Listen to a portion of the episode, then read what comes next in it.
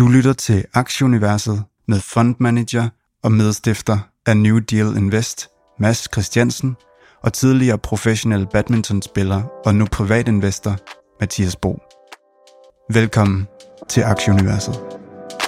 We are living through an era of unprecedented change to our society as well as our economy. Make no mistake about it. Growth is not just a financial issue, it is a strategic issue. Velkommen til afsnit 103 af podcasten Aktieuniverset. Det er i dag, 17. september. Pua, markederne de har godt nok været onde i sulet i, øh, i den her uge. Vi prøver øh, selvfølgelig at holde øh, humøret højt, og øh, vi kigger lidt på diverse nyheder. Vi skal rundt om et øh, spændende Adobe-opkøb. Yes, uh, Adobe har opkøbt en virksomhed, der hedder Figma, og det er fuldstændig vildt det dyreste øh, private buyout øh, nogensinde, som jeg lige forstår det. Og, og markedet er helt, øh, helt i helt lamslået over det, men det giver rigtig, rigtig god mening, og, og det er ligesom et skifte inden for software, og det taler vi mere om øh, længere nede i podcasten. Så øh, har der været en upgrade af Ethereum også, som også har været ret spændende. Og så skal vi have besøg af cheføkonom fra Agrokura, Jens Scherning. Vi taler lidt om generel økonomi, inflation, renter, og vi får også lige lidt øh, boliglån øh, ind sammen med ham. Og øh, ja, skal vi ikke bare konkludere, Mads, at Jens han er, han er pisse sej og han er, meget, meget klog. han er kongen, og så han er bare han er helt ligeglad med, hvad andre synes. Jens, han ved, hvad han selv synes, og det er, det er, så, det er så cool. Så et mega godt interview. Indeksene, vi, vi skal jo lige hurtigt rundt om det. S&P'en bakker øh, 4,77 procent, Dow er ned over 4 procent, Nasdaq ned 5,5 procent, DAX'en er ned 2,65 procent, C25 ned to, over 2 procent, den 10-årige rente ligger i 3,44, en lille stigning fra sidste uge, olien nogenlunde status quo, 85 US dollars, øh, øh, euro-dollar-krydset er omkring 1, øh, så vi bakket i bitcoin og også bakket i ethereum øh, til min lidt store overraskelse. Øh, men øh, ja, det, det, hænger selvfølgelig, øh, det hænger selvfølgelig sammen med det her øh, Ja, det hænger sammen med, med det her, den her, at, at Ethereum kommer med en upgrade nu her. Og det, det, er jo, det er jo sådan noget med, at folk prøver at regne ud, hvad andre folk tænker og gør og så videre. Og så er der i tvivl om, der kommer, om, om der ligesom kommer et, en slags udbytte, når det er sådan, at, at de her øh, grene splitter ud. Der er også nogen, der tænker i, at det går nok fuldstændig i fisk, øh, når det er sådan. Og så er man, så er man kort, kort tænkende, ikke? fordi det svarer lidt til med Elon Musks, det der space-program, og shorte det, i, i håb om, at den første raket, han, han sender op, den springer i luften. Men, men altså, om, om nogle år, så, øh, så, så, så kører det her øh, på den nye, nye måde med proof of work, og det, det, det er det, vi kommer til at gå mere ind i øh, efter interviewet med Jens. Og så selvfølgelig de her øh, CPI-tal, som kom i, øh, i tirsdags. Vi havde en positiv mandag, det så faktisk rigtig, rigtig godt ud tirsdag, indtil til de her kom. 8,3 procent, øh, og, øh, og man havde forventet 8,1 procent. Kerneinflationen, den var også øh, en, en smule, smule dårligere, end, end øh, man havde ventet. Den var på, på 6,3 procent mod øh, 6,1 procent. Og øh, ja, konsekvensen af de her inflationstal, det er nu, at, at markedet med en sandsynlighed på næsten 100% indregner en, en renteforhøjelse på, øh, på 0,75 øh, 0,75 basispoint. Øhm, og øh, nu er der endda også nogen, som snakker om en, en hel, øh, hel procent eller et helt øh, procentpoint. Og øh, det finder vi ud af i næste uge. Så øh, ja, der, jeg tror, vi gik fra, fra en, en halv procent plus i futuresne til lige pludselig at bakke og, og tabte. Jeg tror, vi var nede og tage en, en 4 procent, og så bakke, bakkede det også yderligere de, de andre dage. Så, så ja, det var en voldsom, ellers en god afslutning i sidste uge, som vi, som vi snakkede om, og så, øh, ja, så så det egentlig fint ud, og, og markedet var faldet lidt til ro, men øh, ja, så, øh, så stod de ikke til den længere. Ja, og så også, at den, den lange rente, øh, den lange markedsrente nu igen er, den er oppe øh, i toppen af det range, hvor, hvor den har været øh, tidligere. Øh, så øh, ja, så, så det, det tyder på, at markedet priser en højere rente ind i længere tid, altså at man virkelig er blevet bange for, at inflationen har bidt sig fast. Og det bliver jo spændende at høre Jenses mening om, om det lige om lidt. Det finder vi. Vi bliver klogere i næste uge, som sagt, så, øh, så, kommer, øh, så kommer Fed på banen i, i næste uge. Mads, lad os komme lidt mere øh, specifikt til værts. Du, øh, du får ordet her med lidt øh, delivery øh, news. Ja, øh, og DoorDash og Starbucks, de, de teamer op. Øh, så, så DoorDash skal til at levere kaffe rundt omkring, øh, og hvad man ellers kan få i sådan nogle Starbucks-butikker øh, der.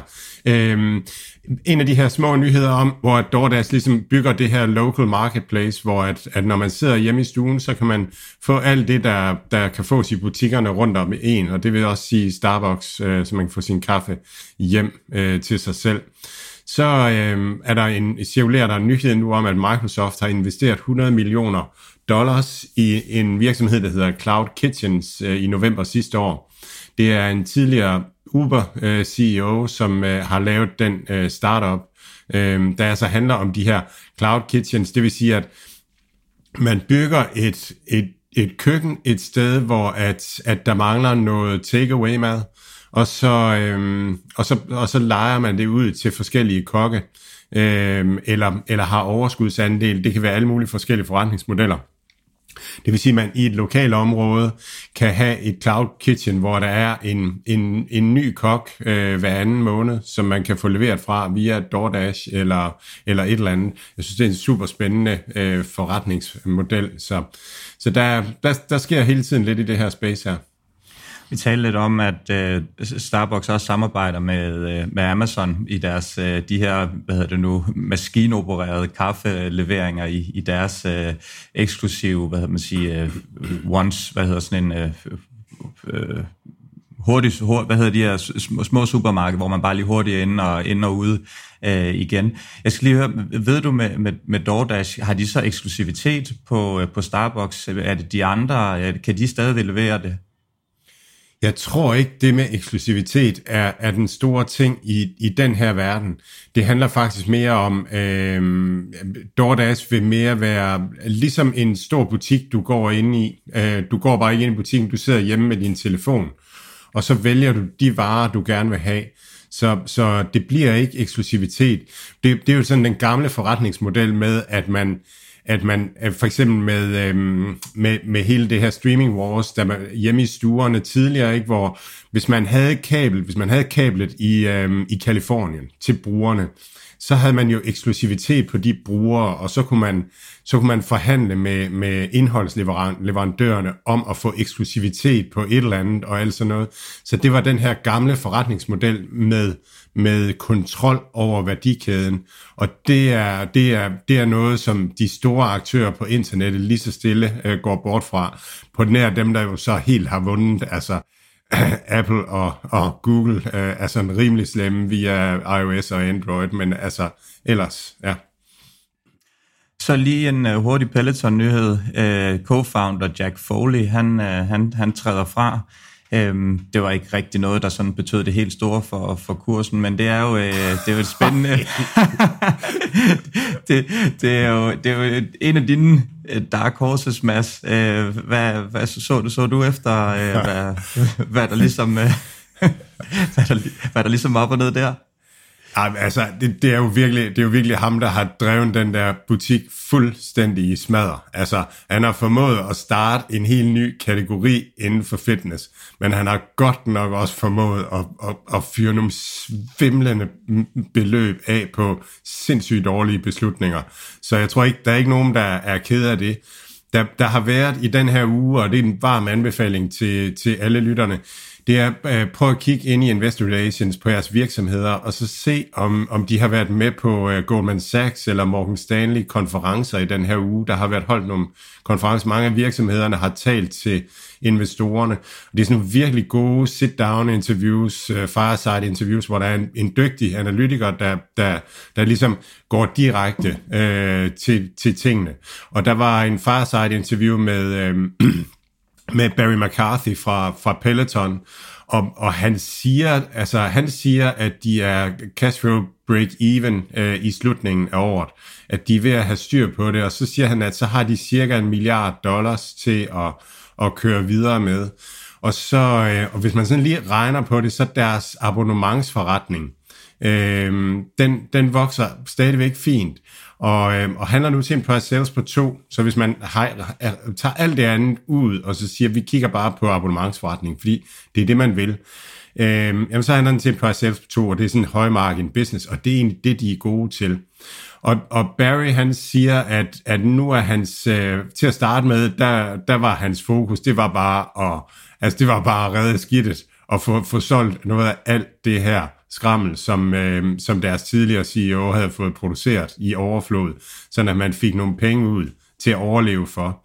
Og så har det været bagefter at få altså at stanse blødningen, og så bagefter ligesom at få, få styr på det, for balance. Og nu siger han faktisk, at han er, hans fokus begynder at skifte mod vækst øh, at de er der. Så, så han lyder, og han skal jo lyde sikker, altså, så, så det skal tages med et salt. Men ja, men, men find de her øh, fireside chats, eller det, det er virkelig gode interviews. Adyen og øh, Blog, de har også været ude med, med, lidt, med lidt nyheder. Kan du lige ja, tage os ja, det? Ja, Adyen er, den bliver den første eksterne øh, partner øh, til øh, Cash App.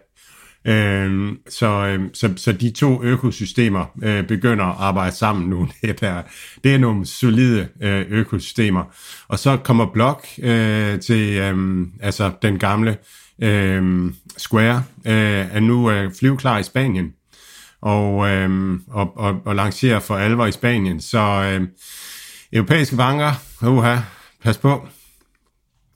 Nu kommer han, nu kommer han løven med len derovre fra USA. Ja, det bliver selvfølgelig utroligt, utroligt spændende at se, hvad, hvordan de kan. Det er jo en, en aktie, vi forventer os, øh, ja, kan vi ikke bare tillade os at sige ret meget af her i klubben. Vi har ikke rigtig fået så meget, øh, meget afkast på den endnu, men det er jo en af de her, der, ja, bliver det en succes, så bliver det en rigtig, rigtig stor succes. Så, øh, så ja, det, det, det, er i hvert fald, det er i hvert fald spændende, og et produkt, som giver super god mening i, i min verden. Ja, virkelig et godt øh, forbruger, et brugt produkt for forbrugerne i en branche, som ikke har fornyet sig i, i mange år. Ja. ja, og et andet produkt, jeg får kæmpe lige på, det er selvfølgelig Amazon.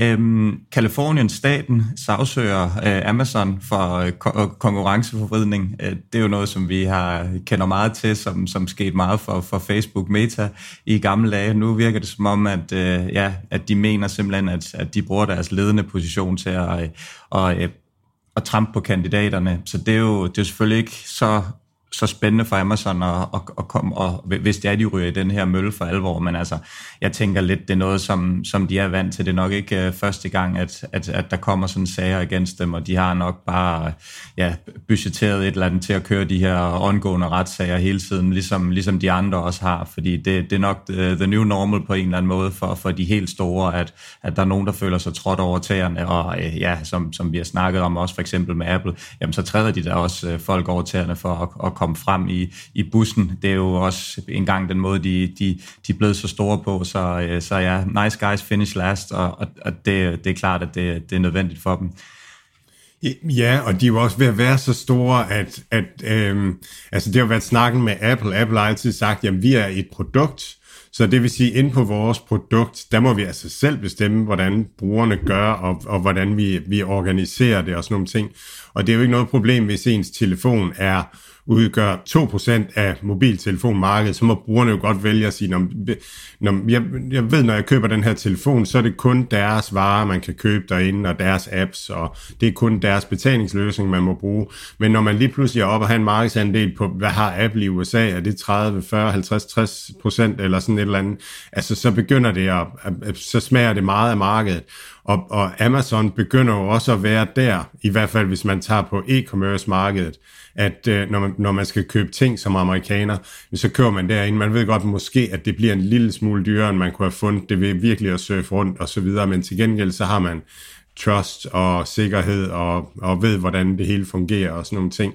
Så Amazon er måske også begyndt at have den der øh, dominerende position, hvor det bliver sådan lidt et, en gråzone, og, og det vil altid være en gråzone. Nu ved jeg godt, at, at man ikke kan bruge det øh, Amazon sådan med, med, med dagligdagsleveringer, men nu er jeg for eksempel her i Indien i Mumbai, og så fandt jeg ud af, i går, at jeg havde glemt min barbermaskine.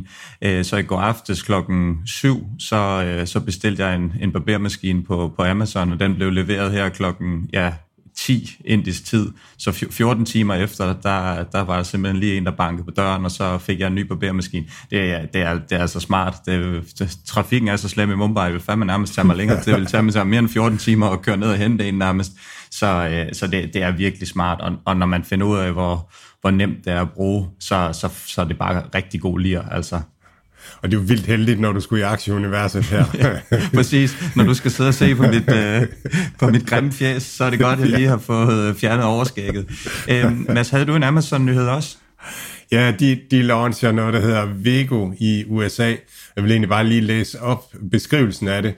Sellers using Vigo can connect their sales channels, including Amazon, eBay, Etsy, and Shopify, and access discounted rates on UPS, uh, US Postal Service, DHL, and FedEx.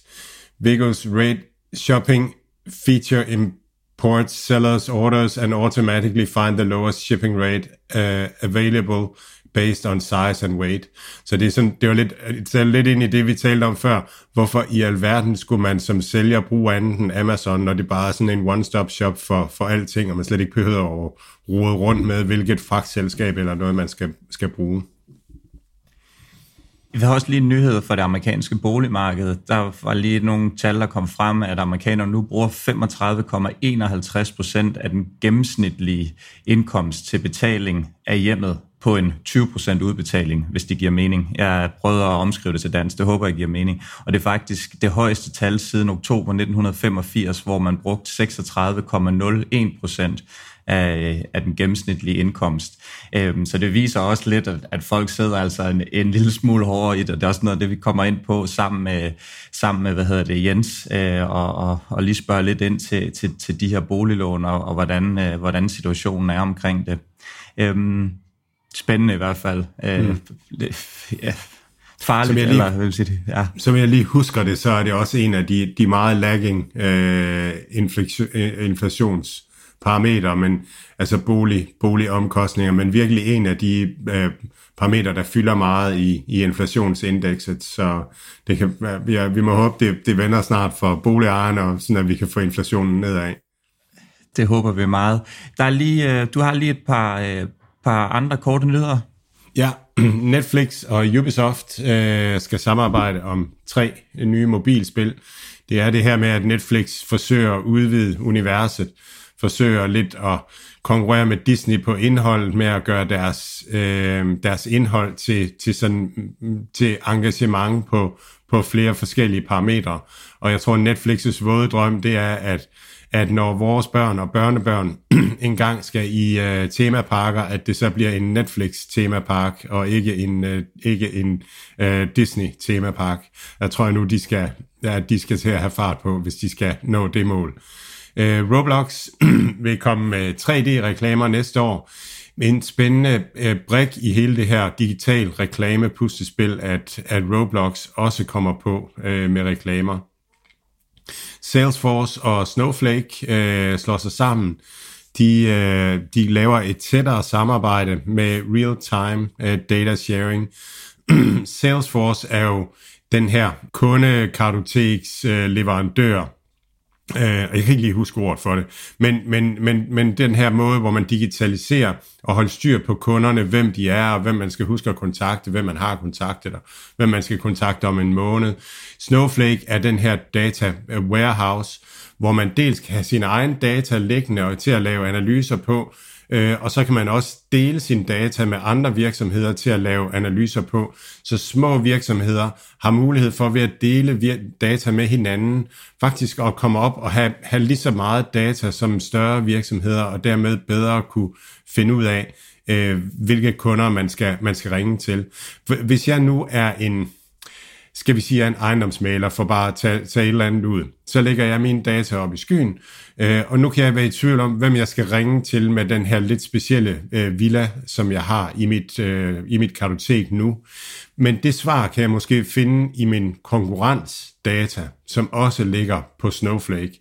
Og så ved at slå de to datasæt sammen, og sådan, så kan jeg finde ud af, hvilke kunder i mit kartotek det i virkeligheden er, jeg skal kontakte med, med den her villa. Så det er, og det er Snowflakes øh, funktionalitet i, i en nødskal. Og det, det, det er en af, af de bull cases, jeg virkelig ser på Snowflake, det er, at, at de er den her platform, hvor små virksomheder samarbejder. Der er kæmpe netværkseffekter øh, på det.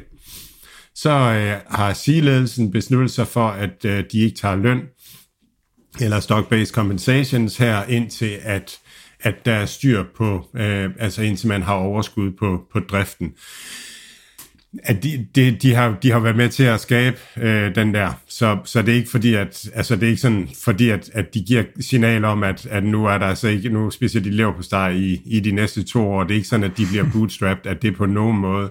Men, men øh, det er alligevel sådan et signal om, at, at vi står sammen omkring det her, og jeg tror da, at, at det er et godt, godt signal til, til hele virksomheden, at, at lige nu skal vi, skal vi fokusere på at, øh, at spare og effektivisere og sådan nogle ting.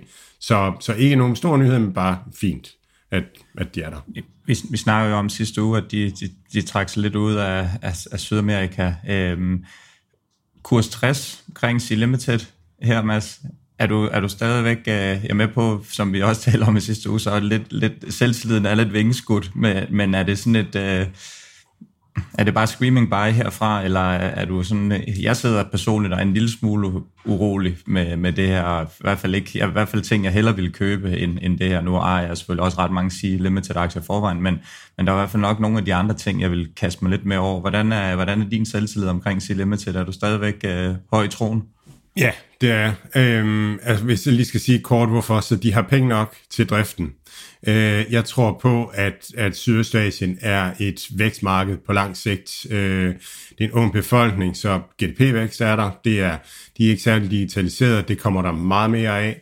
Øh, C-Limited er en yngre virksomhed end Mercado Libre, så, så den her fintech-del af C-Limited kommer til at blive, blive rigtig stor i Sydøstasien. Hvem, hvem tror vi bliver Amazon i Sydøstasien? Jamen, der er ligesom kun et bud på det, det er, det er Shopee. Altså, de er, de er langt øh, foran øh, de andre.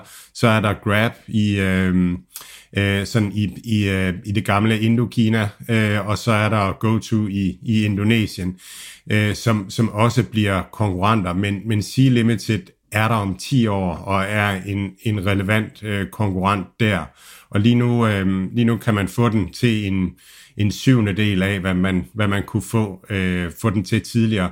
Og så er gaming, gamingbenet er, er, er ikke særlig meget værd mere, men, men i det store spil, i den her 10-årige investering, som hedder Sea Limited, der har gamingdelen aldrig rigtig fyldt noget. Det har været en adgang til, til cash.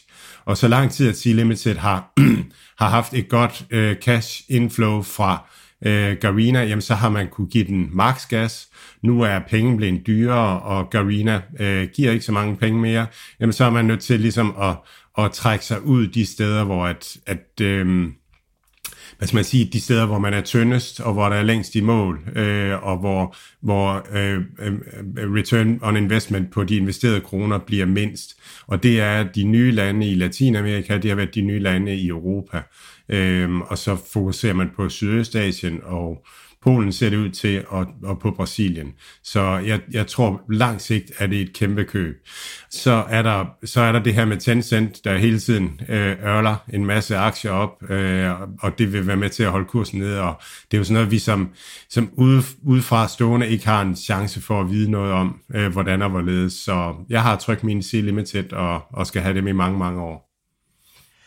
Så øh, kom der en, en nedjustering fra, øh, fra FedEx. Det er ikke en aktie, vi har talt så meget om, men det her pakkelevering, øh, jeg tror måske stadigvæk verdens største er den ikke det, Mads, Nå, det er også lidt ligegyldigt, men de var nede og nedjustere full guidance fra, fra i år, og ude og, øh, og sige her, at øh, makroøkonomien er significantly worsened.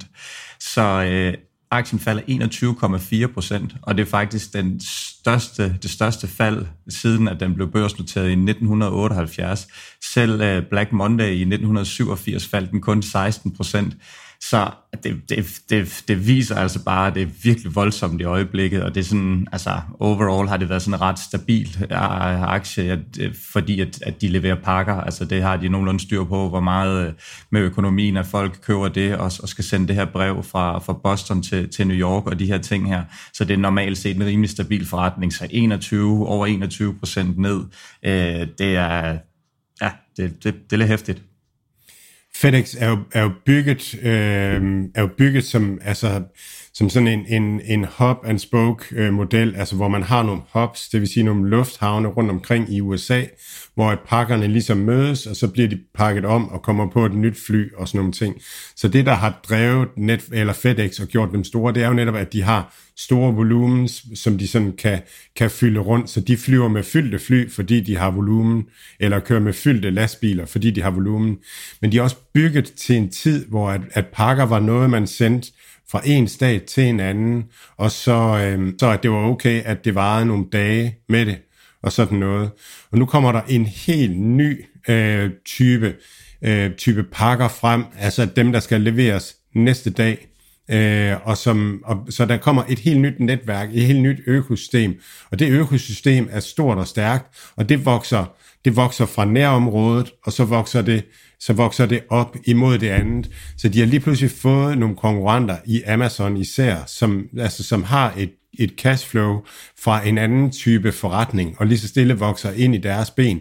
Så det, der før var en, altså, man kunne ikke konkurrere med FedEx. Man kunne ikke, man kunne ikke altså, så snart, hvis man ville starte med at konkurrere med FedEx, så ville man starte med at flyve med halv, halvtomme fly, og så kunne man få mere og mere volumen på, så man flyve med, med halvfulde fly, og så, altså, så det ville være en kæmpe cash burn fra starten af, men nu har man altså fået konkurrence og sådan noget. Jeg har ikke fået kigget nærmere på, på FedEx, men, men altså, det, det er da, det er svært at tænke 10 år frem, og så tænke, at Amazon ikke bliver frygtelig irriterende for FedEx, selvom at det er to forskellige pakketyper, de leverer. FedEx, som har lavet et af de bedste marketing stunt nogensinde, mellem E'et og X'et, der er en pil imellem, så når man ser deres logo, og når man lige får den her, så kan man se, at det er så selvfølgelig så fra A til B. Genialt lavet, øh, mm. tilsvarende med, med Dom Perignon, da de lavede deres etiketter selvlysende, så når man står og skyder en flaske, når aktiekursen forhåbentlig er inde på natklubben, altså når, når vi i, i den forhåbentlig meget, meget nære fremtid får lidt, øh, får lidt fart under vingerne på aktiemarkedet, så skal vi derind og have en flaske, og så er der et selvlysende etiket på. Sjovt lille trick, så prøv næste gang, I ser en, en FedEx-vogn, så prøv at lægge mærke til den pil, der er mellem E'et og, og X'et. Det er, øh, ja, det er super godt lavet.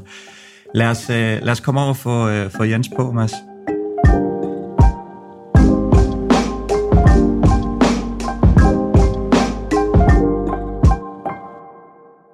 Alt, hvad Mads, Mathias og deres gæster siger, er deres egne meninger. Det er ikke finansiel rådgivning. Denne podcast er udelukkende ment som information og skal ikke bruges til at lave beslutninger om investeringer. Mads, Mathias og kunder i New Deal Invest kan have positioner i de virksomheder, der tales om i podcasten. Velkommen til Jens øh, Scherning fra AgroCura APS. Tak skal du have. Jens, det er simpelthen sådan en fornøjelse at, at skulle have dig på her. Det er jo, hvad ja. vores lyttere spørger øh, løbende efter dig, så øh, du var en af de, af de første, vi havde på, og så har du været på et par gange efterhånden. Ja. Og noget af det, som jeg altid synes er, er fedt, det er, at du ligesom, du kigger på de her langsigtede modeller og kurver og sådan nogle ting, og så har du sådan en, på en eller anden måde en, en ro omkring hvor vi skal hen af og sådan ja. noget. Det er ligesom om, du har et landkort, hvor alle vi andre, vi styrter for vildt rundt på banen. Ja. Men kan du ikke lige starte med at fortælle lidt om, om din metode og, og lige kort jo, om jo, øh, også? Det, det, kan, det kan jeg sagtens. Øh, det er faktisk ikke så kompliceret. Øh, det kan folk jo selv hjemme i et Excel-ark uh, sætte sig ned og lave. Altså, typisk så arbejder vi, når vi arbejder med konjunkturer, så arbejder vi med langsigtede modeller. Altså typisk, hvis jeg ved ikke, øh, om, om hvor meget folk de kender til teknisk analyse på aktier og sådan ting, så I arbejder typisk med dags, måske ugecharts, nogle af jer månedschart. Hvis jeg kigger på økonomien, så er det kvartalschart, øh, jeg typisk arbejder med. Og det vil sige, at jeg kigger meget sådan på de ledende indikatorer for USA, Europa, Asien, og så laver jeg dem om til sådan en 36 måneders ændring, sådan lidt øh, øh, simplificeret. Og så får du en langsom model, øh, og det skal meget til at vende den rundt, så når den er vendt rundt, så giver den ligesom et uh, sikkert forecast. Det er sådan en fordel i modellen. Til gengæld er den langsom, så det, den fortæller ikke sådan lige præcis, hvad det skal ske i morgen, men på den ligger på den, mere, på den lidt mellemlange og lange bane. Så. Det, er vir- altså, det er jo virkelig også noget af det, man trænger til lige nu, fordi at, ja, det, at der kommer al, alle de her tal flyvende ind fra højre og venstre, ja. alle er super kloge på, hvor vi skal hen af og, ja. og sådan noget. Så, jamen, så øh, ja, Hvem, vil du lige fortælle lidt om Agrokura også? Så vi ja, lige... det kan jeg sagtens. Altså, som sagt, vi er et APS.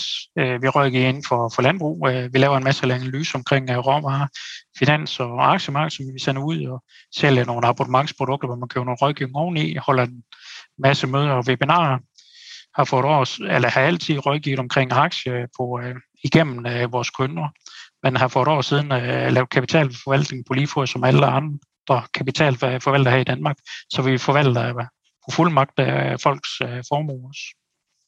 Det er sådan grundlæggende de ben, og så er vi blevet, øh, vi har været ejet af en landbofing nede i det sønderjyske, og blevet 100% selvstændige her det er inden sommerferien, hvor vi har købt det ud. Så, så det er alle skal... fingre på gårdpladen. det er godt. Det er godt at høre. Vi vil gerne høre dit, uh, dit syn på, uh, på en lidt vingeskudt, uh, jeg ved ikke om vi kan sige økonomi, fordi det går ja. egentlig meget godt, men i hvert fald så et vingeskudt aktiemarked. Ja, og, og den, den her økonomi, vi prøver sådan lige at, at dele det lidt op i, i tre ting. Lad os mhm. starte måske det, det vigtigste. Ja, stormufti i USA. Hvordan går økonomien i, USA? Øhm, men den går jo faktisk ikke uh, så godt. Altså, der, der er jo... Uh, der er jo to kvartaler med negativ øh, vækst her i starten af året.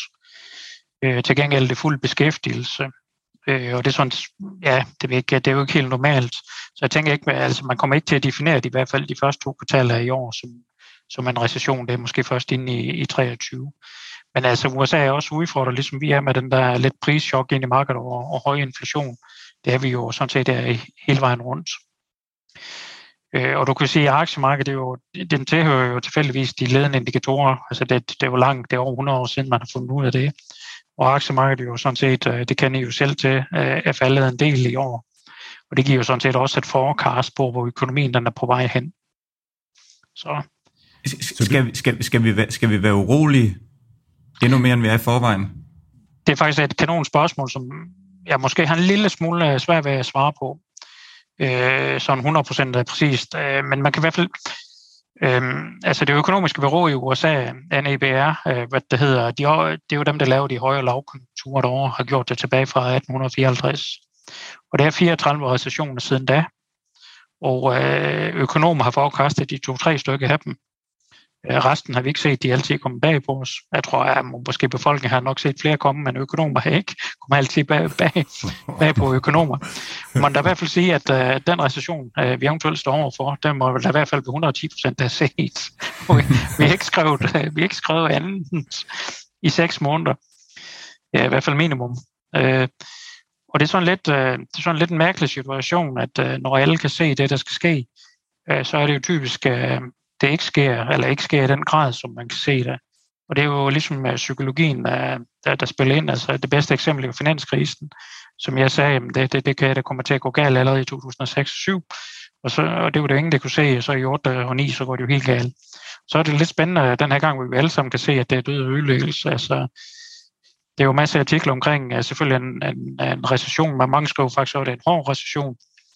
En del mener, at vi skal 20% længere ned på, på aktierne, tænker jeg selv kan følge med i, og så er det 10-20, helt op til 30% ned på ejendomsmarkedet. Vi skal markant højere op i renter og sådan ting. Hmm. Og det vil sige, at når folk kan se den, så har man jo taget sit forbehold øh, for det. Og det vil sige, at hvis man kigger ind i aktiemarkedet, så, så har folk jo reduceret deres øh, risiko. Det har de professionelt.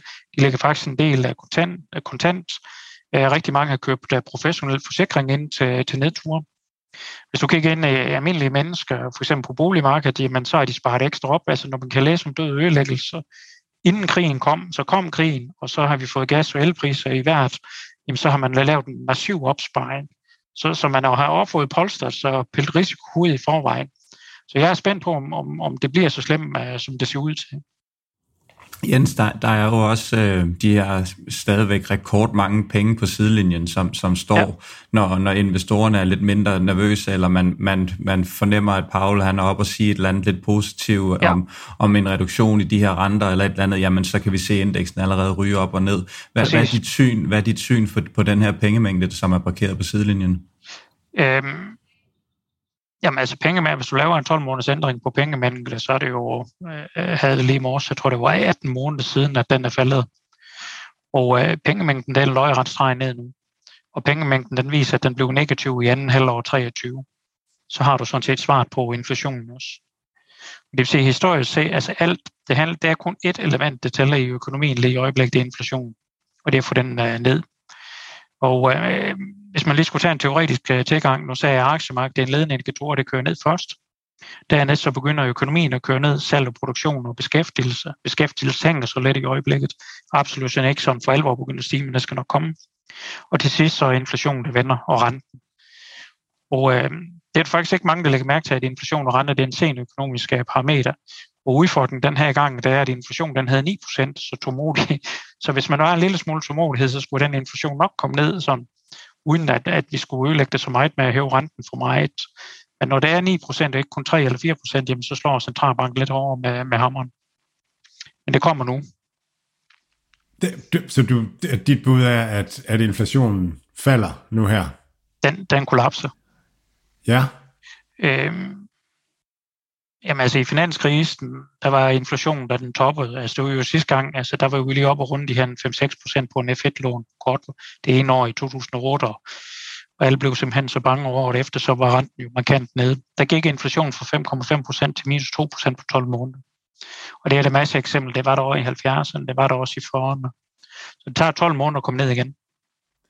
Hvordan, så, så du, altså, kan du se, det er fordi, nu, nu hørte jeg Cathy Woods, hun blev interviewet i Fox uh, Business, og, ja. og hun har den her helt, altså hun snakker, hun snakker risiko for deflation og sådan nogle ting.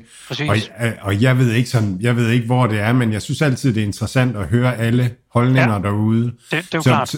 Er du lidt i den lejr? Eller? Ja, ja, altså, altså i min optik, altså, der er intet, det slår demografien i min optik. Og det vil sige, at en, en, en aldrende befolkning øh, er deflationær. Det vil sige, at jo ældre vi, vi bliver, jo færre penge bruger vi. Og jo mindre bliver arbejdsstyrken. Og desværre skal der bruges en større del af arbejdsstyrken til at passe til ældre. Det vil sige, at de, der er tilbage øh, til at skabe vækst, øh, de, de kommer mere og mere i, under, i, i undertal. Det er sådan på den helt lange bane. Det siger altså, hvor vi jo der vidner til, at der trods alt kan komme et prischok ind i markedet med høj inflation. Men på den lange bane, så kommer vi til, tilbage til en deflationær udvikling. Og det gør den teknologiske øh, udvikling jo også til. Altså den der robotisering og sådan ting. Hvis man så lige det trækker det ned på kurverne igen, altså sådan, hvis, hvad, hvad siger kurverne? Fordi det er jo sådan... Ja, det kan jeg godt forstå, I spørger Altså, jeg er jo meget model, altså meget lojal over vores konjunkturmodel på, langs, øh, på den lange bane. Og indtil sommerferien, der prægte de ledende indikatorer stadigvæk op. Så jeg har været positiv indtil sommerferien, hvis man går ind og læser mig på LinkedIn. Øh, men så hen over sommerferien, jamen der er der kommet rigtig nogle skidt nøgletal øh, af de parametre, der går, indgår i de ledende indikatorer, og nu vender den rundt og peger ned.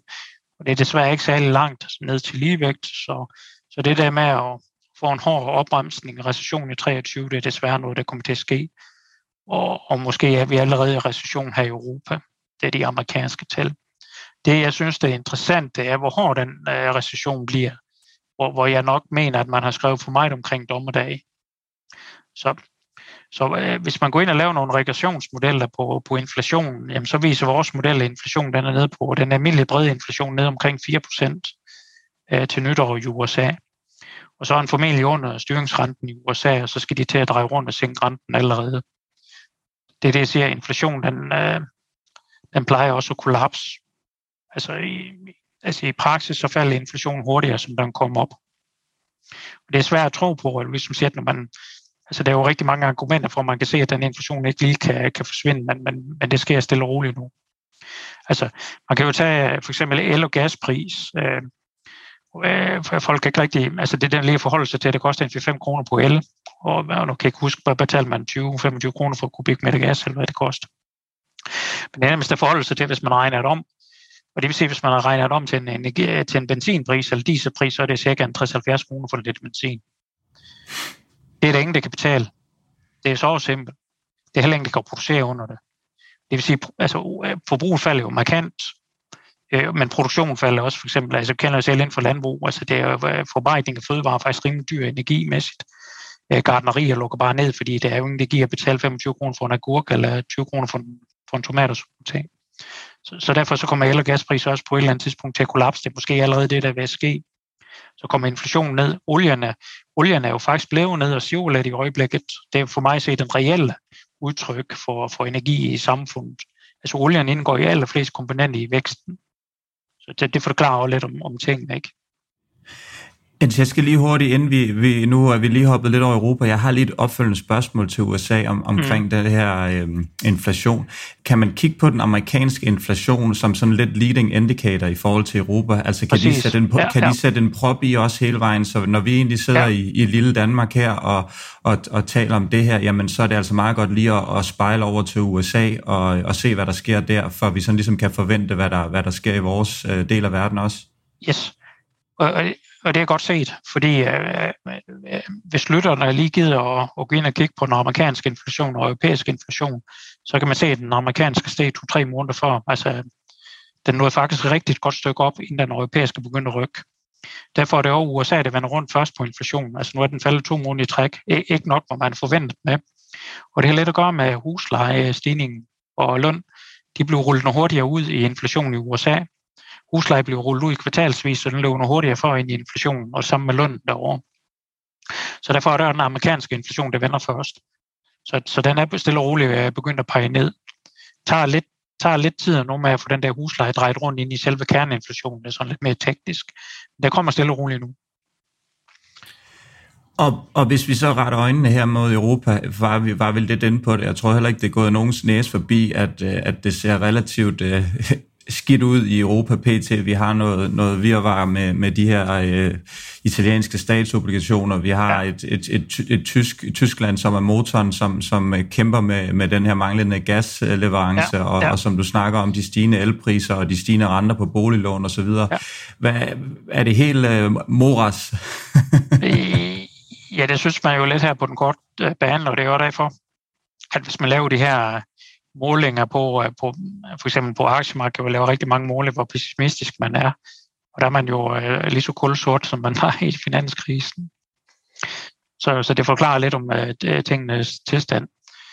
Men altså som sagt, øh, altså råvarer falder jo trods alt i øjeblikket. Altså alle industriråvarer falder. Fødevareråvarerne er også begyndt at falde. Det energien, der hænger en lille bitte smule. Undtagen olien er jo faktisk nedadgående.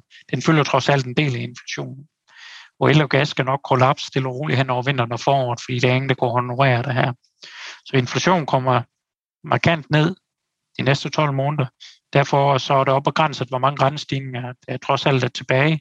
Det vil komme nogen, det vil gå ondt, og så skal det dreje rundt, og så vil, så vil rente stille og roligt komme ned i, i, i 2023 også. Og det vil sige, når inflationen falder, den eventuelt kan blive negativ i anden halvår af 23, så får jeg jo øh, min købekraft tilbage i, i løn igen. Altså det vil sige, nu har jeg tabt, øh, min realløn er negativ i år. Øh, så får jeg positiv realløn næste år. Så kommer forbruget også stille og roligt. Det var det, I selv siger, når, når inflationen begynder at falde, så begynder aktier at, at veje morgenluft. Det, skamme, det samme vil jo ske med, med det private forbrug og de ting, så det vil komme stille og roligt ind i 23 igen. Der er nogen, der taler om, at vi godt kan få sådan en efterkrigslignende tid med, med at, at, at vi får sådan nogle dønninger, hvor vi så får deflation, og så, så kommer der igen uh, klot i forsyningslinjerne på grund af, ja. af stor efterspørgsel. Er det sådan en fremtid, du ser, eller ser du mere de her lange dønninger, du, du plejer at se? Nej, altså du kan se, altså, altså det er nogen, der sammenligner det her inflation med 70 og 80, at det er der ikke. Fordi i 70 og 80 havde vi 6-8% vækst, samtidig med at have høj inflation. Og nu starter med at sige, at øh, væksten er jo negativ i USA de to første kvartaler med 9% inflation. Så du kan ikke sammenligne det er et prischok i markedet, blandt andet også af covid-19 skabt. Og, og meget det af finanspolitik. Vi skal nok komme ned næste år, optimismen skal nok komme retur. Men det er faktisk et kanon spørgsmål, du stiller. Fordi hvis du tager inflationen historisk set, når den stikker af opad, så gør den der faktisk mange gange to gange efter hinanden. Og så er vi til, tilbage i, i noget mere fundamentalt. Det vil sige, hvis man kigger ind i investeringen, altså det man kalder CAPEX, investering inden for øh, uh, materiale- og energisektoren, så er den her, jeg tror, den der politiske agenda har forvirret af rigtig mange virksomheder, at, øh, der opererer i det her område. Og derfor så er CAPEX investering utrolig lav, stille og roligt faldende efter finanskrisen, og, og hen imod øh, corona er gået helt i, i bund. Altså man har aldrig reinvesteret så meget, eller så let, undskyld, så let ind i, uh, i materiale og energi. I energi er det aller værste. Altså, hvis du ikke investerer ind i en sektor, så får du jo et problem, at man må ud på efterspørgsel. Og det er det, vi har nu.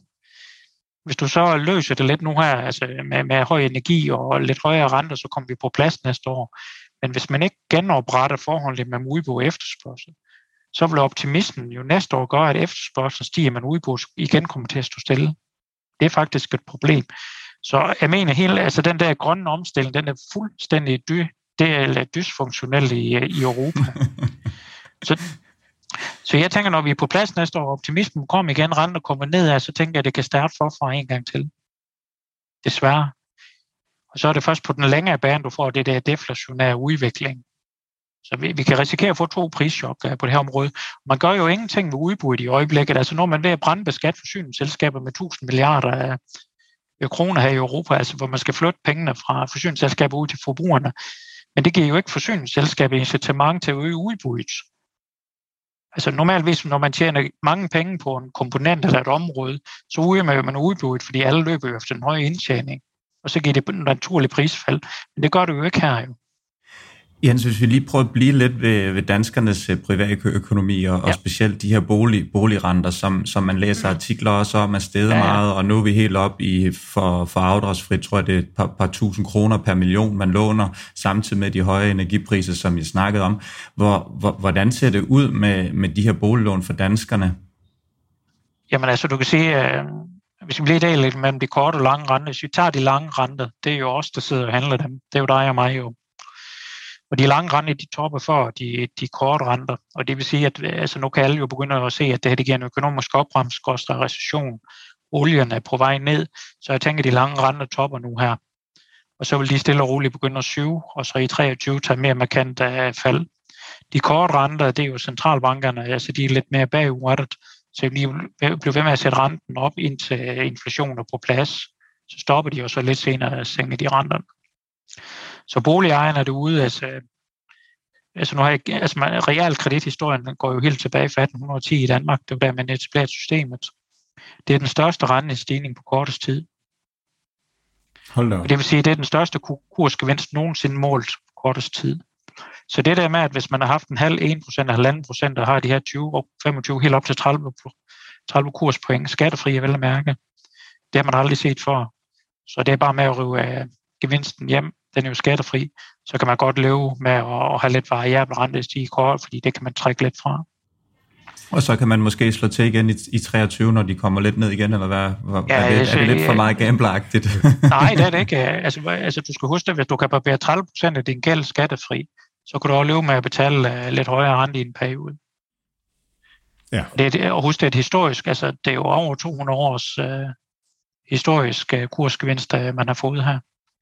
Så, og hvad, hvad, hvad, Jens, hvad, Jens hvad, hvad med de øh, mennesker, der sidder derude, der har bare har fuld flex på, på hele lortet, som, øh, som sidder her og måske lige sådan uh, begynder at have lidt rumlen i maven over, ja, over de det, her renter og de, og de her stigende priser og sådan nogle ting. Præcis, hvor, altså, hvor, hvor, hvor, presset er, hvor presset er folk? Jamen selvfølgelig, der er selvfølgelig nogen, der er presset især på energien. Jeg tror faktisk ikke, renten fylder så, så meget i, i det segment der jamen når man er vant til nul renter, man skal jo huske det, man har fået i mange år, der skal man overvære lidt af det i en enkelt år eller to. Det er jo, øh, det, er jo det, man har valgt øh, med, med Flex. Nu har, nu har jeg simpelthen ødelagt så mange Excel-ark øh, siden 1992 på, på det der. Og det er variabel rente, det venter. Med mindre I nøjagtigt kan fortælle det perfekte timing, hvornår man skal i fast og tage kursgevinsten, så vinder variabel rente. Så det skal man ikke være nervøs for. Jeg tænker sådan, en, en Kuiper 3, Kuiper 6, hvis man har de der flex lån, jamen så kommer vi op omkring 1,5-2 procent, måske 2,5 hvis det går helt galt. Det vil føles lidt ligesom 2008. Og så begynder det stille og roligt at gå ned og bakke igen i 2023, og vi kommer selvfølgelig tilbage til 0. Det, det er i hvert fald det, jeg hører dig sige, det her med, at, at de, de på lang sigt, der, der har vi en aldrende befolkning, og, og der, derfor ser du en, et, mere et deflationært scenarie. Tech er jo også deflationært, og, det er det, og, ja. og jeg, jeg tror måske, den type teknologiske løsninger, der kommer nu med, med datadrevne ja. optimeringer af mange ting og, og forsyningskæder, det, det kommer også til at virke den vej. Vi mangler lige verden. Øh, hvordan, hvordan med verdensøkonomien? Er der nogle, nogle store linjer der og, og sådan noget, man skal tænke over? Nej, du kan sige, at USA peger lidt ned, har vi været inde på Europa, er måske allerede lidt ind i recession. Øh, hvis jeg skulle give en kommentar til Kina, altså hvis man kigger, hvis man kigger lidt på noget af det her kreditcyklus, at man kan faktisk måle på kreditlinjen ud til, til virksomhederne. Og øh, den situation, Kinas vækst er faktisk en lille smule under den europæiske, og den amerikanske er lidt usvanligt. De har så det øh, nul øh, hvad hedder det, tilladt øh, politik omkring øh, coronaen jo. Og det vil sige, at de har været lidt, øh, lidt hårdt ramt, så de stiller nogle ekstra kreditlinjer til rådighed ud til virksomheden som ting. Og det er faktisk positivt, så Kina vandrer måske en lille smule omvendt øh, i, i verden, er lidt mere positivt. Det betyder lidt for vores eksport øh, over til, til Kina. Altså, når vi snakker befolkningspyramider, så, så er der vel heller ikke en, der er værre end Kinas er derude nærmest. Nej, men øh, den er først ved at vende rundt nu eller lidt senere. Altså, så det er deflationær udvikling. Det tager lidt længere tid, end det lige præcis øh, øh, kommer til, til Kina. Altså det er Europa, det er længst, efter, altså længst fremme efter øh, Japan. Så kommer Kina og USA lidt øh, samtidig. Man tager lidt tid nu. Man skal også, altså, hvis man lige skulle sige lidt til den der deflationære udvikling, der, altså, der er jo en økonomisk leveregel, som aldrig nogensinde kan fraviges. Og det vil sige, at øh, vækst, inflation og renter skal hænge sammen på sigt.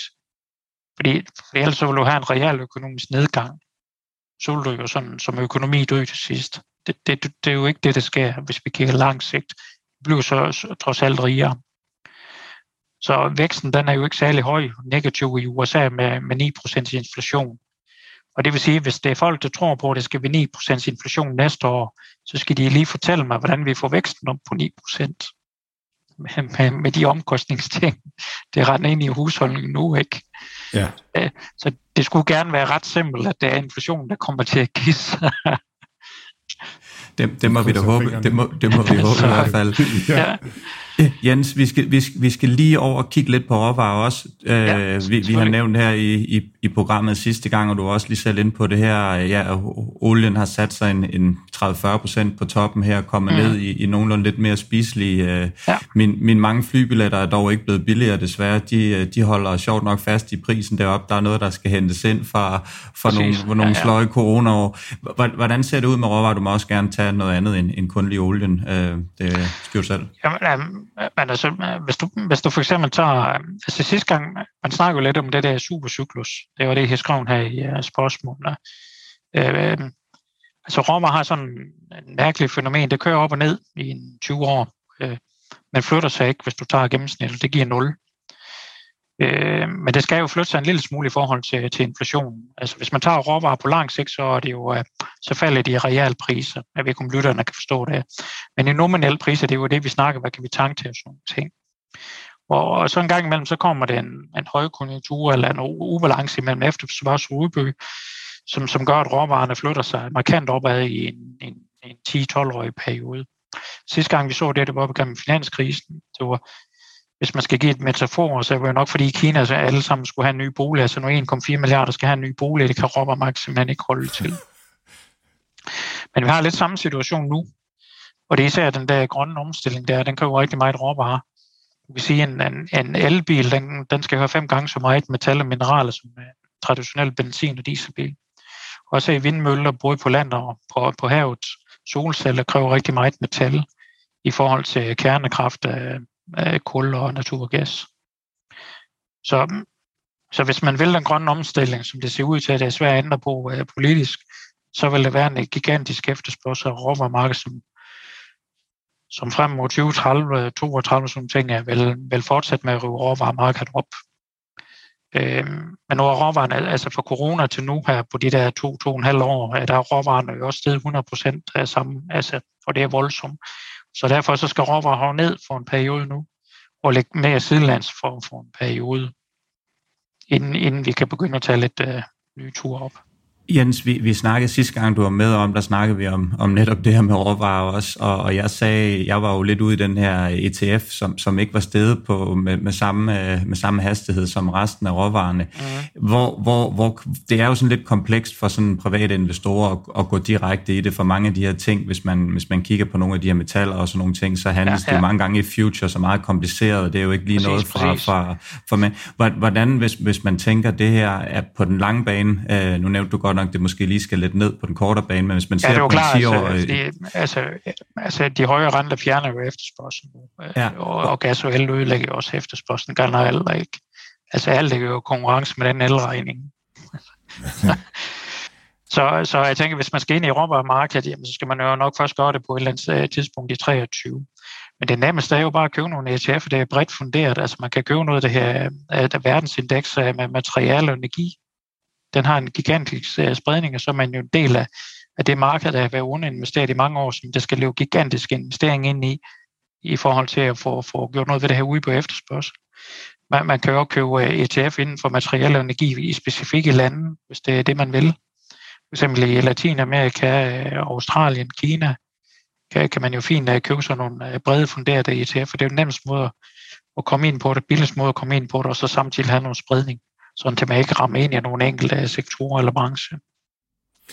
Jens, hvis, hvis vi nu, altså, der er, mange, der er mange, der siger det her med, at, at vi er på vej ind i en tid med et nyt regime, altså at, at nu kommer vi ind i en verden, som vil være inflationær i en, i en del år, øh, ja. og at, at, øh, at, at vi kommer ind i et højere renteniveau og sådan nogle ting.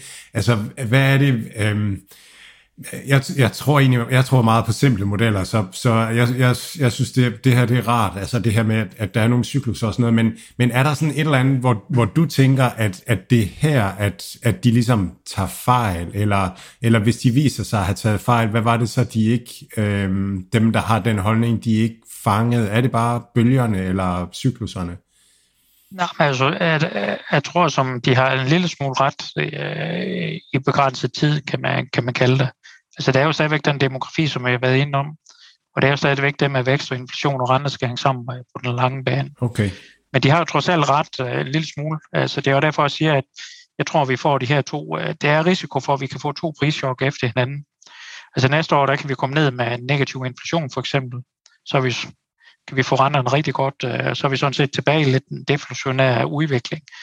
Øhm, men hvis man ikke retter op på det her med efterspørgsel og energi inden for materialer, vi ser i energisektoren, så kan vi gøre det en gang til.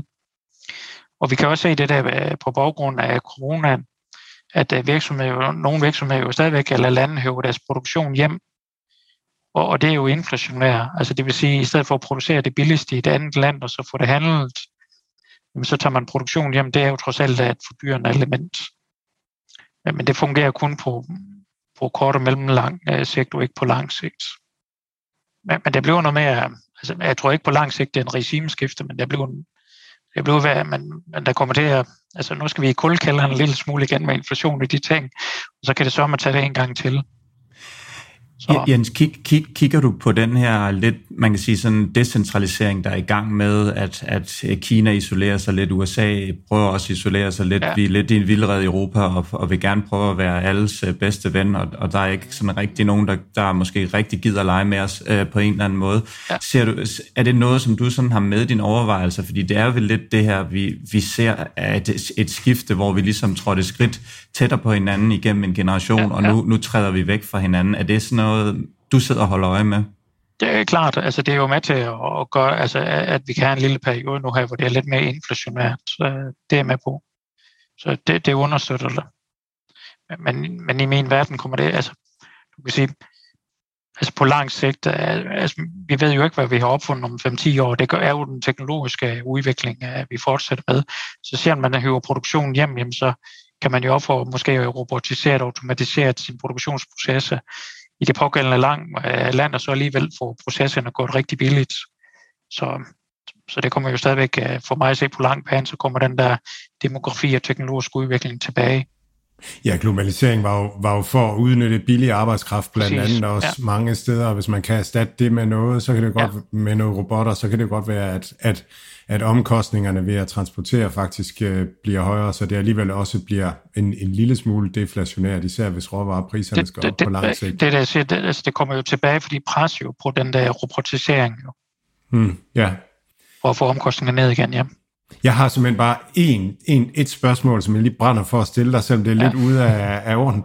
Det er Europa her. Altså, vi har jo sådan synes jeg, en, en del år kom, altså slås lidt med konkurrenceevnen i forhold til resten af verden og sådan nogle ting med, med vores øh, produktion og, og, og Sydeuropa og sådan noget. Altså, hvordan, hvordan ser du Europa lande, lande i det her?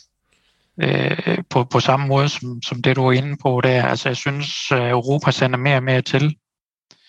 det er ikke særlig liberal vækstdrevet. Øh, altså det er, mere, altså det, det er meget omfordeling af, det kan man jo også se i den der brandbeskatning, man laver nu på, på energi og omfordele penge. Altså det er, og, og meget hjælp uh, til Sydeuropa, og de får ikke rettet op på deres budgetter og sådan ting. Altså det, jeg synes virkelig, det er sendt noget til, og vi taber simpelthen konkurrencemæssigt uh, på, på det område der. Og jeg kan ikke rigtig umiddelbart lige sådan for mig se nogle regimeskifter nu uh, på, på det der område der. Desværre.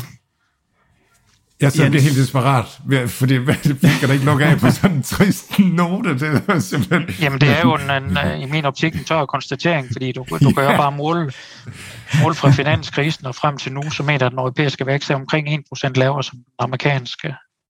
Det siger jo, det siger jo meget. Jens, vi prøver altid at holde det gode humør her i et podcast, ja, ser, når, vi, når, når, vi, når, når vi taber rigtig mange penge på aktiemarkedet, så vi ja. ser det positive sag. Jeg tror, vi runder af med at høre, at vi hører trods alt, at du forudser, at renterne kommer lidt ned i 23. Det kan give lidt, uh, lidt medvind på... Uh, vi kommer meget på, ned.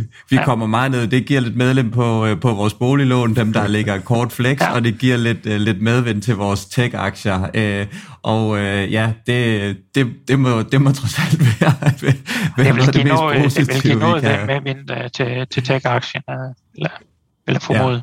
Ja. Ja, ja, det, det må vi håbe. Ellers så, øh, ja, så må vi ringe til dig igen og, ja. øh, og spørge, hvad fanden vi så skal gøre nu. For så står den der slet ikke til noget længere. Nej. Jens Jerning, tusind tak, fordi du gad at være med os øh, endnu en gang det her. Det er øh, altid en fornøjelse at have dig med og øh, til at gøre os en, en smule klogere, så tusind tak for det. Selv tak. Mads, som vi lige uh, teasede for, skal vi lige se på det her Adobe-opkøb af Figma. Det ja. får du simpelthen lov til at tage os igennem. Ja, super spændende. Uh, Adobe købte en virksomhed, der hedder Figma, for 20 milliarder. Og, og Adobe blev sendt ned med meget mere end 20 milliarder øh, på den øh, nyhed. Aktiemarkedet tog virkelig skidt imod det. Og det, det synes jeg, at at, at jeg tror, at aktiemarkedet synes, at Figma blev købt for dyrt. Jeg tror, at, at hvis man skal øh, komme med en rigtig konklusion, så er det, at, øh, at, at man skal ud fra det her køb konkludere, at Adobe er for, for gammeldags en virksomhed. Men nu skal jeg lige prøve at, at løbe igennem det. Først lige Figma købet, 20 milliarder. Figma har en annual recurring revenue på 400 millioner. Det vil sige en omsætning om året på 400 millioner, som det er nu. Det vil sige pris per, per den der annual recurring revenue, den er 50, cirka price sales på 50. Det er sådan et rimelig dyrt øh, køb, må man sige. Øh, Bloomberg var ude at sige, at Figma vil øh, addere cirka 2% til Adobes revenue og vil ramme marginerne også. Så, så virkelig sådan fra økonom, med økonomiske briller et sindssygt dårligt køb. Adobe øh, vokser øh, 14 procent, har en, en PE på 31 og en enterprise value på sales på 8. Og det, det der med at EV sales på 8, det er fordi, de har en vild høj bruttoprofit. 88, altså de har en bruttomarginal på, på deres sådan, øh, forretning på 88 procent. Det er helt vildt mange penge. Øh, de, og 28 procent lander på bundlinjen. Så det er derfor, at den kan trække så høj en EV sales, selvom at den ikke vokser særlig meget. Men når man, når man kigger lidt på, hvad det er, øh, Figma kan, så, så kan Figma, Figma er en, det man kalder en multiplayer øh, øh, virksomhed, hvor at Adobe er en, en single player virksomhed. Og det er sådan en trend, der kommer. Hvis man har, et, når man har sine øh, øh, Word-dokumenter, så downloader man dem, og så, så arbejder man med dem. Man kan arbejde med dem offline, og man kan sende dem til hinanden, og lige pludselig så eksisterer der alle mulige kopier, især hvis man er i en lille virksomhed. Så multiplayer-versionen af det, det er Google Docs. Der, der, Google Docs kan man, man kan godt downloade en kopi, men man kan ikke ændre i den originale Google Docs. Så Google Docs, der sidder alle i virksomheden og skriver i det der Google Doc. Så det er multiplayer. Øhm, og og øh, Adobe var strandet som sådan en, en single player ting med en med en, en filstruktur, som er beregnet til, at man downloader og ændrer i filen. En, et programstruktur, som er, er beregnet til, at man har programmet på sin computer med en stor backend på sin computer osv. Så ikke særlig velegnet på nogen måde til at, at blive til en multiplayer. så det vil faktisk ikke være muligt at, at ændre øh, til multiplayer for Adobe. Adobe er også solgt i version 2, 3, 4, 5 og så videre, så er der en masse gamle versioner, alt muligt, som, øh, som, som man ikke lige kan ændre til, til multiplayer. Så, øhm, så dels så filsystemet var et problem, og dels den her bagudkompatibilitet øh, ville være et problem. Så Adobe, der hvor de stod med, med den struktur, de havde, ville de nok i virkeligheden aldrig kunne indhente Figma, som, som er den her nye multiplayer øh, virksomhed konkurrent. Og derfor så var de nødt til, mens de kunne, at bruge deres størrelse til at købe Figma. Og så kommer der nok til at ske det, at sådan alle Adobes programmer og, og ting og, og kunder og så videre efterhånden bliver flyttet over på Figma. Øh, så, så det bliver den lille virksomhed, der kører videre, fordi den er den nye teknologi. Og så synes jeg bare, det er super spændende at zoome ud og så tænke på lidt på, hvor meget, øh, altså hvor meget af, af de her, hvor mange af de her store gamle virksomheder, der i virkeligheden har den her type software baseret på filer og forskellige versioner, som vi downloader på vores desktop, og så bruger på den måde, og, og måske i virkeligheden, hvor sårbare de er over for, over for skiftet til uh, multiplayer, uh, altså at, at vi kan arbejde sammen på et dokument på samme tid. Og det er, det er mega godt ord, det der multiplayer, fordi det er ligesom at spille det samme spil online, uh, seks spillere på én gang. Man, man, man har den her uh, rendered uh, version oppe i skyen uh, af programmet. Så jeg synes virkelig, der var noget at tænke på for markedet, og måske var Adobe bare for højt prissat, og måske var, var, var relevansen i kursfaldet, at, at det her opkøb viser, at Adobe er, er sidste generations øh, softwarevirksomhed. Er det en aktie, du ejer? Nej, det er det ikke. Er det, en, nej. er det en aktie, du skal eje nu her? Nej, nej, det er det heller ikke. Det er det heller ikke. Det, og det er jo virkelig, det er jo virkelig noget, de skal have til at lykkes nu her. Altså, så jeg vil gerne se dem dem accelerere på, på det her ned ad vejen, så bestemt nej. Og det er, når vi snakker, for eksempel når vi snakker Adyen, så Adyen er bygget til, til, til den løsning, de har. Det er en ny virksomhed, der er designet til det. Figma er en ny virksomhed, der er designet til multiplayer. Når du har en gammel virksomhed, som er designet til noget andet, og en masse lappede løsninger og sådan noget, sindssygt svært at bare at konvertere til den nye løsning. Det, det er svært at gøre godt. Lad os komme over til, øh, til Ethereum. Vi starter lige ved startlinjen, så tager lige de sidste med, hvis der stadig sidder nogen derude, som ikke lige helt har fanget det. Det bliver ikke en fem minutters præsentation af, øh, hvad det egentlig er, det, det indeholder det her, men, men vi vil bare lige tage den lige hurtigt en gang. Så øh, Mads, kan du ikke lige forklare, hvad er blockchain? Jo, blockchain er en database. Øh, det er en måde at registrere øh, historie på. Så øh, i dag så har alle bankerne en database over, hvor mange penge vi har på vores konto, og de ligger hos hver deres bank. Øh, motorregisteret har en database over, hvem der ejer hvilke biler og så videre, og det har vi også hjemme hos os selv på vores egen computer, en idé om, hvad vi ejer og sådan nogle ting. Så der er en masse databaser rundt omkring, som vi så holder op mod hinanden og kontrollerer. Blockchainen, så har man i stedet for en fælles database midt i det hele, som vi alle sammen bruger og alle sammen lægger ind på. Og så bruger vi kryptografi til at sikre, at vi kun får adgang til det, vi skal have adgang til, og at vi ikke bliver hacket, og tingene ikke bliver stjålet, og, og, og sådan nogle ting. Så det er det, den muliggør. Så er der ligesom to forskellige typer blokke. Den ene det er den gamle klassiske Bitcoin-blok, som bare repræsenterer øh, et ejerskab. Han, og og det, det handler om ejerskab. Det er det, blockchain kan registrere ejerskab. Og så er der den anden type, som Ethereum for eksempel er, hvor der er et programmeringssprog, og at blokkene øh, kan programmeres. Øh, så, så det er blockchain, og det blockchain så kommer til at give internettet, det er en mulighed for at registrere ejerskab derude.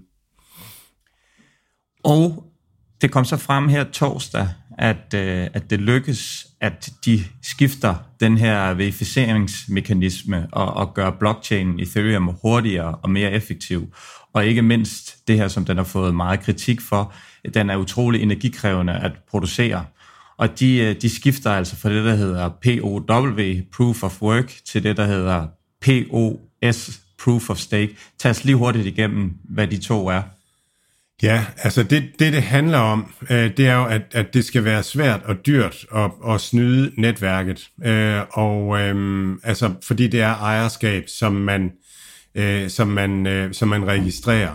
Og det gamle proof of work, der koster det øh, helt firkantet energi øh, og, og, øh, og, og være med til at definere en ny blok. Øh, og det har betydet, at vi har de her minere, som som skalerer det og effektiviserer det, køber billig strøm og køber billige øh, computer og så videre. Så, øh, så det gør, at almindelige brugere kan ikke rigtig være med til at øh, mine mere. Øhm, når nu at øhm, og, og energiforbruget falder måske op til 99%, når vi går til, til proof of stake.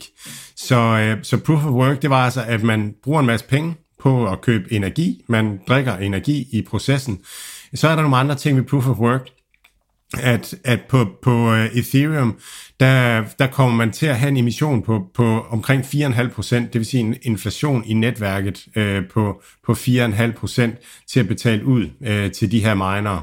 Når man så går over til proof of stake, proof of stake handler mere om, at man, at man har ejerskab af en Ethereum, og så kan man forestille sig, at, at når man laver en blok, så tager man sine Ethereum og lægger dem i en lille boks, som ligesom er collateral, altså garanti for, at det er rigtigt, det der foregår.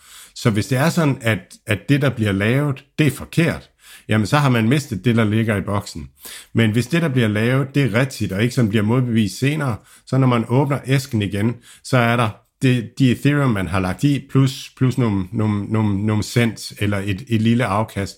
Så man stiller altså sin, man stiller sine egne Ethereum som sikkerhed for, at det man gør er rigtigt. Og igen, det det handler om, det er, at det handler om at gøre det dyrt at snyde, øh, eller gøre det dyrt at, at angribe øh, netværket. Men, men nu bliver det ikke på samme måde øh, energiforbrugende. Og så skifter man til, i stedet for at kalde det mining, så at kalde det validering. Og så kommer vi ned på at have en, en emissionsrate, altså det her, hvad det, det her, som man skal have for at lave processen, på 0,5 procent. Og samtidig så vil gas fees samtidig overstige de 0,5 procent, så vil der være noget, noget burn, som faktisk vil være deflationært. Så man får en, en bedre kæde, mindre energiforbrug, og får måske også, at det bliver endnu dyrere at snyde, er der nogen, der ved, med, mener, men der er stor diskussion om det.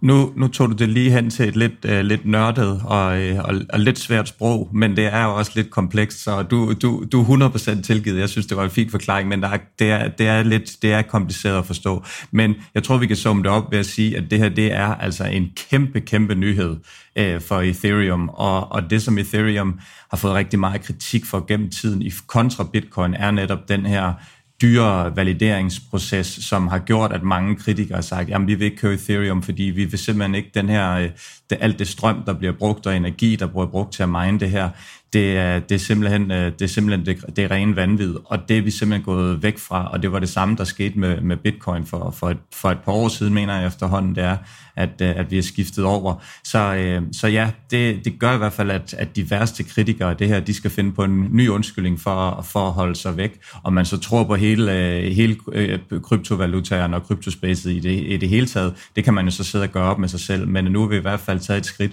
og den her proces for den her, det, det er stadigvæk noget, der siger, jamen, man, man tester det af. Så de første test af det her for at implementere hele systemet, når vi lige er tilbage til at nørde igen her, det skal vise, om den her måde at gøre tingene fremadrettet holder eller ej. Og indtil videre, så, så går det efter planen, men der kan stadigvæk ske nogle ting, som, øh, som gør, at, øh, at vi, vi bliver sat lidt tilbage. Og det er måske også noget af det, der kan trigge kursen nedad, hvis der lige pludselig kommer nogle store, øh, store fejl i den her måde at, at verificere øh, gående fremad. Men øh, indtil videre, så kører det efter planen, så det, det er en super spændende nyhed.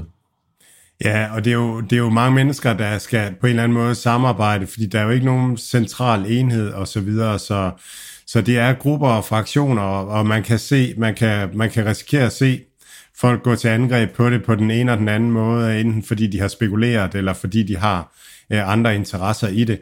Der er jo også det her spørgsmål omkring, om de her, folk, om de her virksomheder, der har minet Ethereum tidligere, om, om de egentlig vil være med til det, eller de vil prøve at holde fast i den, i den gamle kæde og, og køre den videre. Altså så der er virkelig mange, øh, mange ting.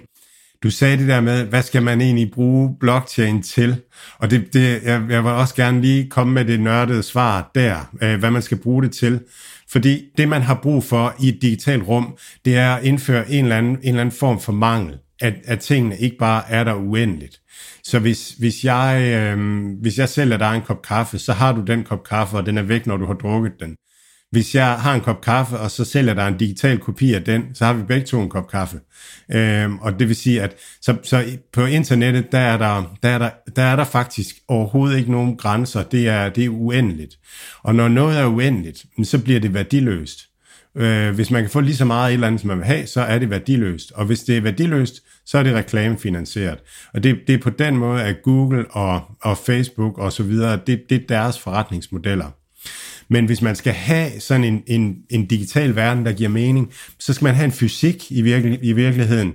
Altså at, at, at ting er der og bliver ved med at være der, og kun er den ting, der er der. Og så en anden ting, det er, at ting skal have en historie. Altså, øhm, fordi det er også noget af det, der gør ting noget værd. Man kan sige, hvad, hvad er værdien af Mona Lisa? Er det, at det er et super flot maleri, eller er det at, at historien om, at at Da Vinci han har stået med penslen, de her penselstrøg, historien om det, historien om, at det har hængt på Louvre i alle de her år, at alle de her japanere har fotograferet det og sådan nogle ting.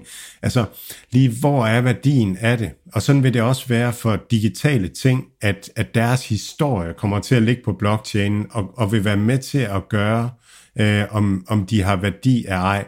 Så man skal sådan lige, man skal ud og tænke lidt lidt mere abstrakt på det her værdibegreb og, øh, ja, og, og, og tingsbegreb. Øh, ja. Mange af de her NFT'er, som vi også har været inde på, de er også næsten alle sammen bygget på Ethereum, og det er selvfølgelig klart, at det er noget, som består rigtig stærkt gående fremad netop med, med den her opgradering, hvis alt 713 fortsætter med at gå vel. Øhm, og, øh, og det er noget af det, som, som gør, at ja, den står stærkt, hvis, øh, hvis, hvis de her NFT'er igen begynder at få, få, få medgang. Det er jo både, øh, som du siger, noget man kan bruge NFT'er til at cater for, for musikere eller sportsfolk, som kan cater og give en, en digital øh, signatur eller en digital kopi af et eller andet produkt, og vide, jamen når du køber den her, så er der kun en af dem, eller der er kun fem af dem, og det har jeg ligesom skrevet under på i blockchainen, for den er kun kodet til at lave de her fem.